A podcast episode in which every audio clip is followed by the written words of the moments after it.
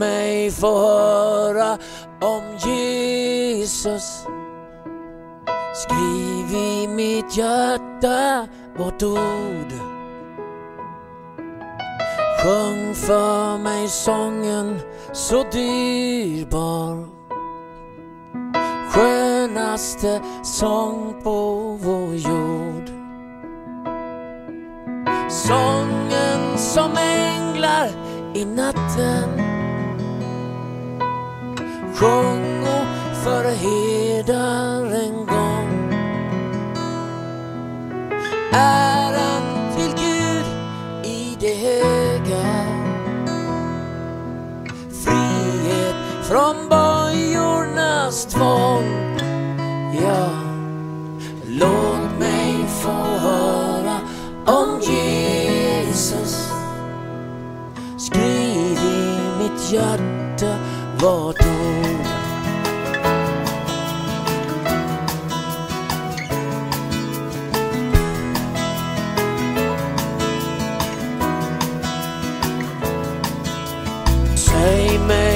Åter och åter.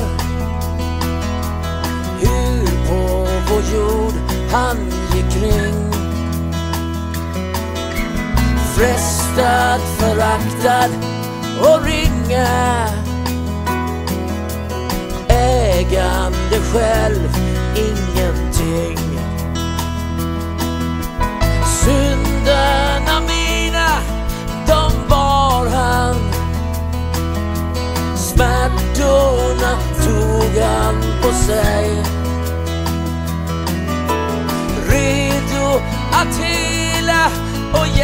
apa Rindu atau frase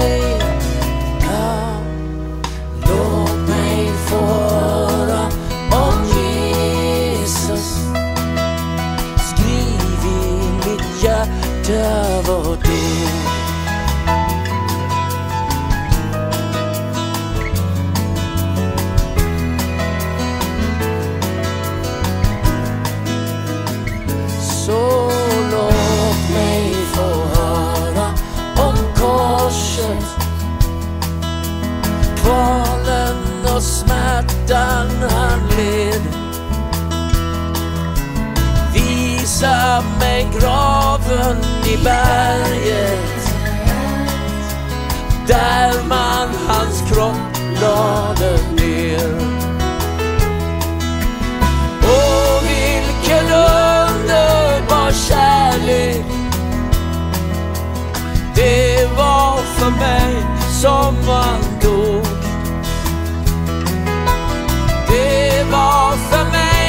som han oppstod. Herre, min Gud, det er nog Låt mig få höra om Jesus. Skriv i mitt hjerte vårt ord. Sjung for meg sången så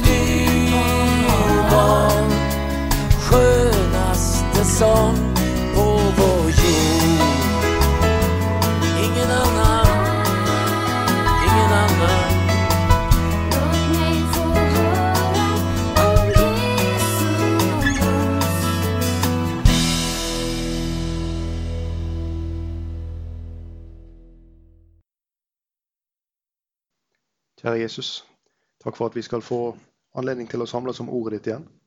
Nå ber vi Herre om at du skal eh, være sammen med oss disse minuttene vi nå skal eh, lese fra Bibelen. Hjelpe oss til forståelse av de ordene vi leser. Og vi ber om stillhet til Jesus, så vi kan få ta til oss og lære av dette. I ditt navn vi ber. Amen. Vi skal lese innledningen til eh, Romerbrevet. Og vi starter med å lese Romerbrev kapittel 1, og vi skal lese versene 1 til 5.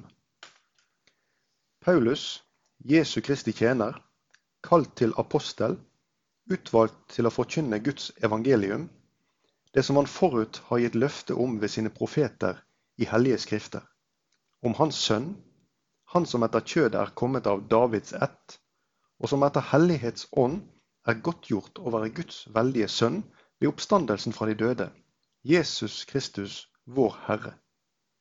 Ved ham har vi fått nåde og apostelembetet for å virke troens lydighet blant alle hedningenfolkene til ære for hans navn. Under innledningen til eh, romerbrevet så gjør Paulus det helt klart, allerede i det første verset, på hvilket grunnlag han utfører sin tjeneste. Paulus hadde gjennom sitt unge liv tilegnet seg en tung teologisk utdannelse, og han hadde vært fariseer. For å få en ramme rundt hva dette innebærer, så skal vi ta med litt om hvem fariseerne var. Så kan vi bedre kjenne Paulus sitt utgangspunkt. Fariseerne var representanter for en av de viktigste jødiske retningene i tiden rundt Jesu fødsel. De regnes som eh, forløpere for det vi kaller rabbinsk jødedom. I motsetning til eh, sadukeerne, som omfatter presteskapet og overklassen, ja, så stammer fariseerne fra folket. De hadde ofte vanlige yrker, og de ble ledet av skriftlærde lovfortolkere eller rabbinere. Gjennom undervisning og utleggelse i synagogene så hadde de stor innflytelse på folket sitt religiøse liv. Og På Jesu tid så hadde òg fariseerne en plass i Sanhedrin, eller jødenes høye råd, om du vil. Fariseerne var opptatt av å tolke den jødiske læren, Toraen, og tidligere lærdes forklaringer til disse tekstene. Og De drøfta både etikk og moral, og hvordan vanlige mennesker skulle kunne praktisere de mange religiøse forpliktelser, som f.eks. tiende av grøden, eller renhetsforskrifter og overholdelse av, av sabbaten. Under innledningen til romerbrevet så kunne Paulus ha vist til eh, sin teologiske bakgrunn. Og han kunne vist til sin rolle som fariseer, og hvordan han gjennom sitt liv var rettferdig for loven. Paulus kunne ha pekt på at han var av israelsk ett. Paulus var jo av Benjamins stamme. Han var en hebreer, født av hebreere. Og hans slektskap kan føres tilbake til Abraham. Dette kan du lese om om du vil i Filipperbrevet kapittel 3 og vers 5. Men ingenting av dette er tatt med når Paulus beskriver sin ja, apostoliske myndighet. Paulus han utelukker helt sin egen CV når han innleder romerbrevet. Og så beskriver han bakgrunnen for sin tjeneste ganske annerledes. Vi leser det første verset på nytt igjen. Paulus, Jesu Kristi tjener, kalt til apostel, utvalgt til å forkynne Guds evangelium. Som ung fariseer så finner vi Paulus første gang mens han ser på at Stefanus blir steina til døde. For det vitnesbyrd som Stefanus har om evangeliet, for jødene sitt høye råd, Sanedrin. Som fariseer så hadde Paulus altså en plass i dette høye rådet, som var jødenes religiøse og politiske partisystem. Og Vi finner denne fortellingen i apostelgjerningene kapittel 7.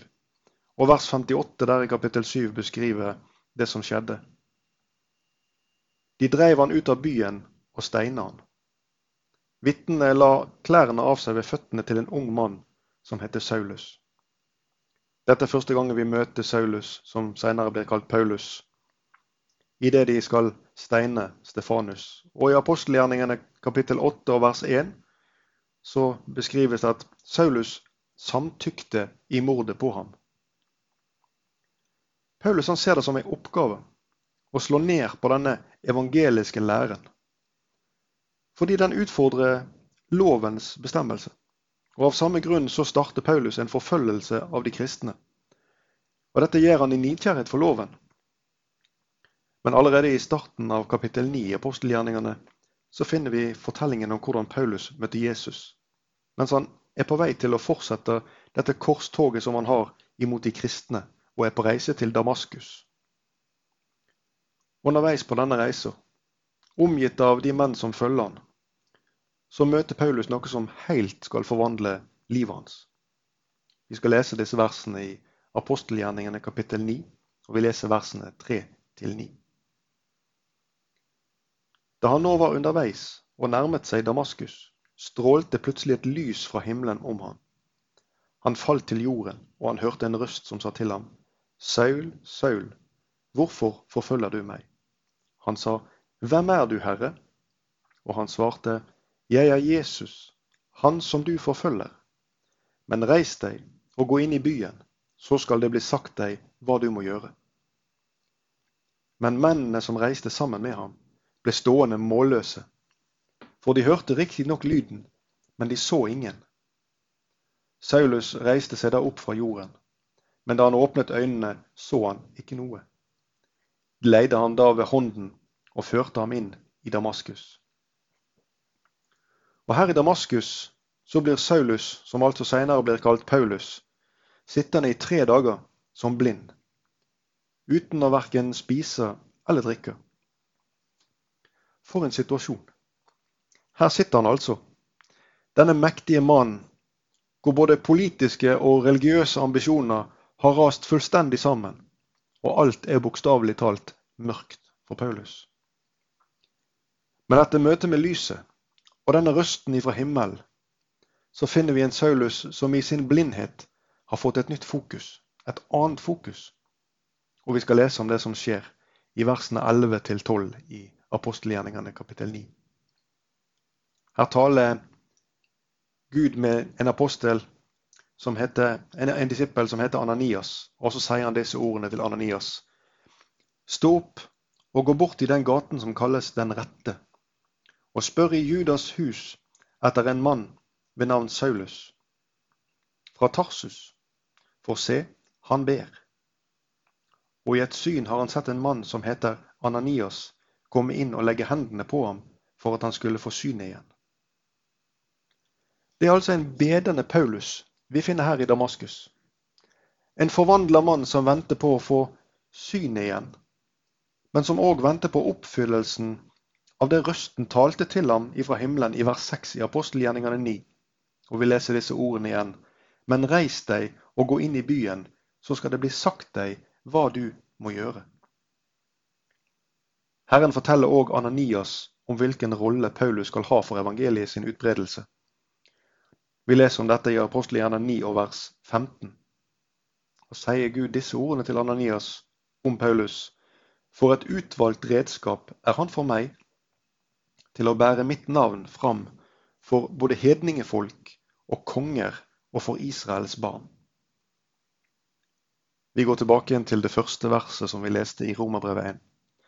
Og så leser vi på nytt Paulus sin innledning og beskrivelse av bakgrunnen for sin evangeliske tjeneste. Paulus, Jesu Kristi tjener, kalt til apostel, utvalgt til å forkynne Guds evangelium. Ifra å være en av folkets ledere, så understreker Paulus for det første at han nå er en Jesu Kristi tjener. Som en parallell til denne delen så finner vi Jesu tjenende lederskap når vi ser hvordan han vasker disiplene sine føtter. Denne fortellingen kan du lese om i Johannes evangelium kapittel 13. Paulus han starter òg nå altså med å beskrive at han nå er en Jesu tjener. Det er ingen utøvelse av makt i det som Paulus foretar seg. Tvert imot er han drevet til tjeneste for Jesus etter å ha fått øynene sine åpna for evangeliet. Ingenting av det han med rette kunne ha vist til ifra sin egen CV, er med i Paulus sin begrunnelse for den tjenesten han utfører. Det er kallet til apostel og utvelgelse til tjenesten av Jesus som ble lagt til grunn, og ingenting annet. I Filipperbrevet kapittel 3 og versene 7-9 der forklarer Paulus dette nye fokuset som han har fått. Og Når vi, får, når vi leser disse ordene, ja, da forstår vi at Jesus har gjort en forvandling i Paulus sitt hjerte.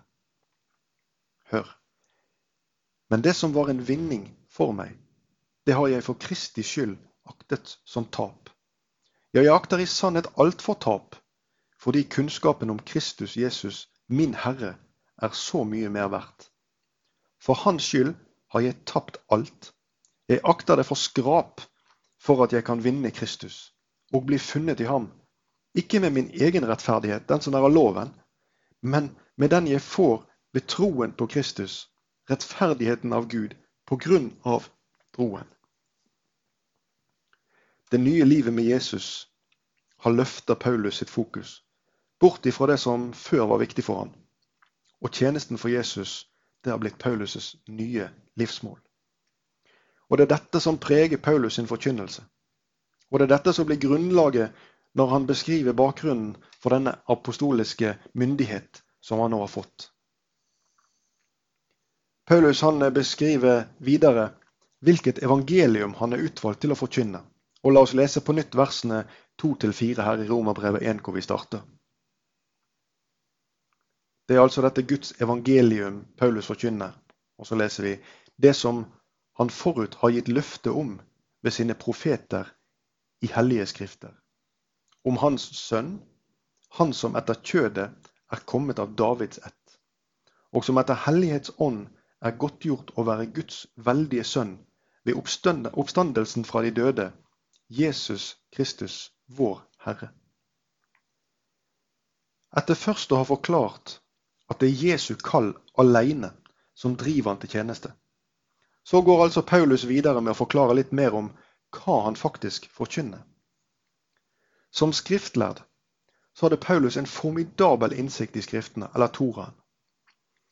Når vi leser Paulus sine brev gjennom Det nye testamentet, så er det veldig interessant å se hvor grundig han forankrer evangeliet i de gamle skriftene. Og vi aner på en måte begynnelsen av dette i den beskrivelsen som Paulus gir oss gjennom de versene vi akkurat leste. For først så forklarer han at dette evangeliet, som altså er Guds evangelium, som han forkynner, det har Gud sjøl gitt løfte om ved sine profeter i de hellige skrifter. Dette er altså ikke noe nytt. Det er ikke noen ny lære.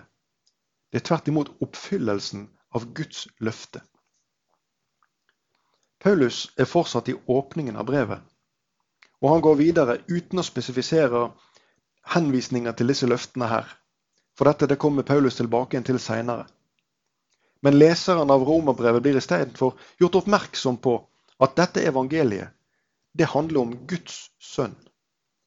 Han som etter kjødet er kommet av Davids ett. For jødene og for tilhengere av jødene tru så er dette en understrekning av hvordan profetordet er oppfylt. Og Paulus han knytter sammen Jesus og Guds løfte ved å vise til nettopp slektskapet med David. Du kan sjøl lese om dette når det gjelder Jesus slekt. Både Lukas kapittel 3 og Matteus evangelium kapittel 1. Det dokumenterer Jesus slekt tilbake til David. Gjennom slektstavlene fra David sine to sønner Natan og Salomo. Men selv om Paulus berører dette slektstemaet her, så er det kun for å vise til nok en relasjon mellom det evangeliet han forkynner, og Guds løfte gjennom Skriftene og profetene. Det er altså en legitimering av det budskapet han fremfører. Paulus han går videre, og så konstaterer han at den han forkynner om, etter Hellighets ånd er godtgjort å være Guds veldige sønn ved oppstandelsen fra de døde. Og Paulus lar det ikke være noen tvil om hvem det er han taler om. Dette er Jesus Kristus, vår Herre, understreker Paulus. I vers 5 her i Romerbrevet 1 så leser vi videre disse ordene, som vi òg leste i starten. Ved ham har vi fått nåde og apostelembete for å virke troens lydighet blant alle hedningefolkene for hans navns skyld.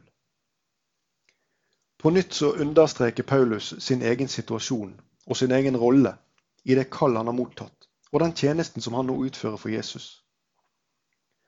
Paulus understreker at det er ved han, altså ved Jesus, og han og hans medarbeidere i evangeliets tjeneste har fått nåde og apostelembete. Og enda en gang så viser altså Paulus til Jesus, og ikke til seg sjøl og ikke til sine egne ferdigheter. Tvert imot så beskriver Paulus Jesu nåde som premiss. Og dette det er et stadig tilbakevendende tema i Paulus sine brev gjennom hele Det nye testamentet. Dette med frelse av nåde ved tru alene. Og det er ved denne samme nåden at Paulus har fått sitt apostelembete. Og altså ikke av sine egne ferdigheter. Så forklarer Paulus videre hva dette kallet og denne tjenesten innebærer. Og han beskriver det sånn i vers 5. For å virke troens lydighet blant alle hedningefolkene for hans navns skyld. Det finnes to hovedtolkninger av dette med troens lydighet. Den første av disse to den gjelder den lydighet som følger av troen, som altså er troens frukt. Dette er altså konsekvensen av trua, og den kommer til uttrykk gjennom det nye livet som trua har skapt. Det er altså ikke noen egenprodusert frukt, dette. Dette er en frukt som bæres, men skaperen av både frukten og det nye livet, og det er Jesus. Du, Jesus han ba sine etterfølgere om å bære frukt. Og vi kan lese disse ordene i Johannes 15 og vers 16. Der sier Jesus at 'Jeg har utvalgt dere og bestemt dere til å gå ut og bære frukt'. Det er altså slik at Jesus har ikke bedt verken Paulus eller andre om å lage frukt, men om å bære frukt. Og denne frukten den blir til gjennom livskraften som strømmer fra Jesus for den som lever i hans nærhet. Jesus sjøl forklarer dette gjennom et bilde, og han sier det på denne måten i Johannes evangelium kapittel 15 av vers 4. Bli i meg, så blir jeg i dere. Like som grenen ikke kan bære frukt av seg selv, men bare når den blir i vintreet. Slik kan heller ikke dere bære frukt uten at dere blir i meg. Enda en gang så ser vi hvordan Paulus underbygger at hans tjeneste den er av Jesus. Fordi det er jo nettopp troens frukt som blir synlig gjennom den tjenesten som Paulus utfører. Og det er Jesus som er skaperen av denne frukta. Den andre hovedtolkningen av troens lydighet den skal ikke vi gå tyngre inn på her. Men det er nettopp den lydigheten som består i å tru evangeliet. Vi har gjennom disse minuttene tatt oss tid til å se litt på bakgrunnen for Paulus sin tjeneste. Og vi har sett litt på hans egen beskrivelse av både bakgrunn og tjenesten. Vi har lest de sammen fra Romerbrevet kapittel 1 og versene 1 5. Og her har vi funnet at ingen av Paulus sine referanser er forankra hos han sjøl. Tvert imot så er alt forankra hos Jesus. Forkynnelsen som Paulus bærer, den handler om Guds evangelium, som han grundig forankrer i Guds egne løfter gjennom profeten i de hellige skrifter. Og evangeliet, ja, det handler om Jesus, Guds vellige sønn. Tjenesten som Paulus har, den er basert på nåde. Og tjenesten handler om å dele dette blant alle hedningefolkene, nettopp til ære for Jesu navn. Når jeg betrakter alt dette, så finner jeg at menneskene sine bakgrunn og ferdigheter de er uvesentlige for Guds kall.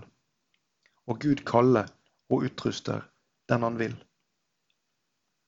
Du har kanskje tenkt at du ikke passer til den ene eller til den andre tjenesten for Jesus. At du kanskje mangler det ene eller det andre for å kunne få det til. Når vi nå har stansa for Paulus sin egen beskrivelse, så er det nettopp for å minne om at hvem som helst som frambyr sitt hjerte til tjeneste for Jesus, får være med og arbeide på himlenes rike.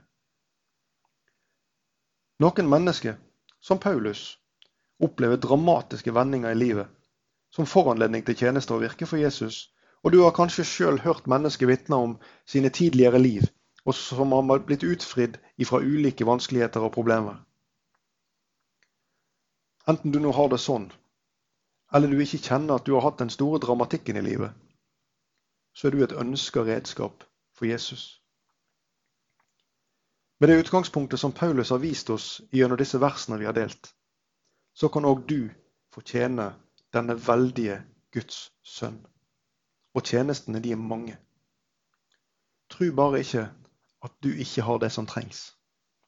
Og se ikke på deg sjøl med egne feil og begrensninger, men se opp til Han, som fortsatt kaller mennesker til tjeneste.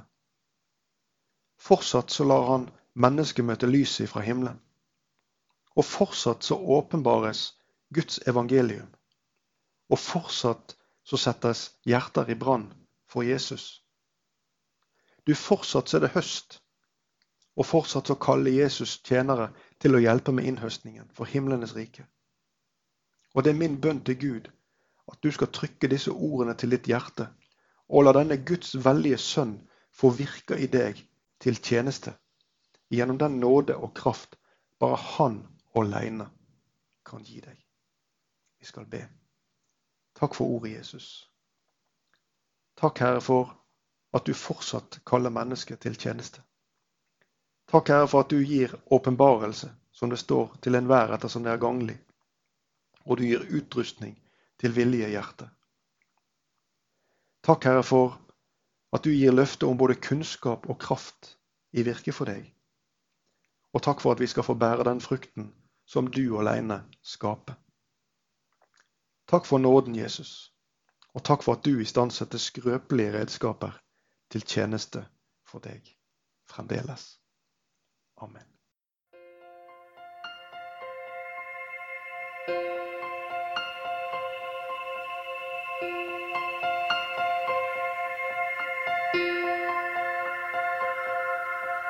Mer av hans kärlek hjärtat mig ger Mer av hans kraft här i mitt liv.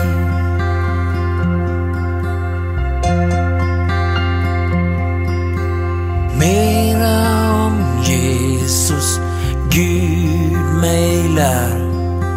Mer av hans nåd min längtan är.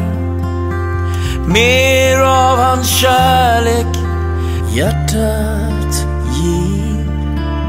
Mer av hans kraft här i mitt liv. Mer, mera av Jesus. Mer, mera av Jesus. Mer av hans kärlek hjärtat mig giv Mer av hans kraft här i mitt liv.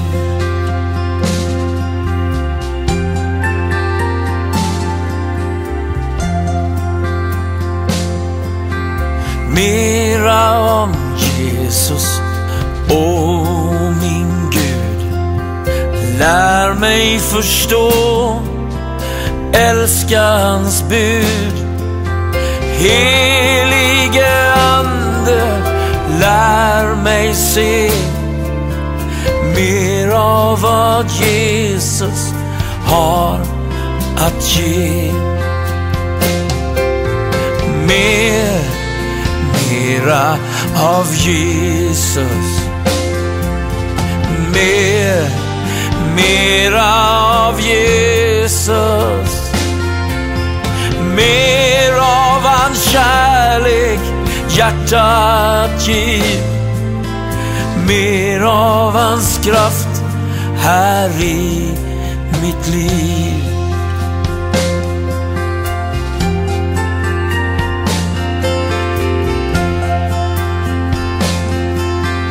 Mera om Jesus ständigt mer.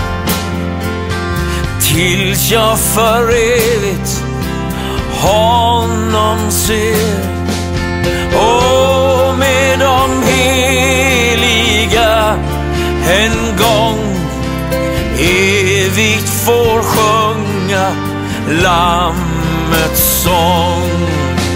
Ja,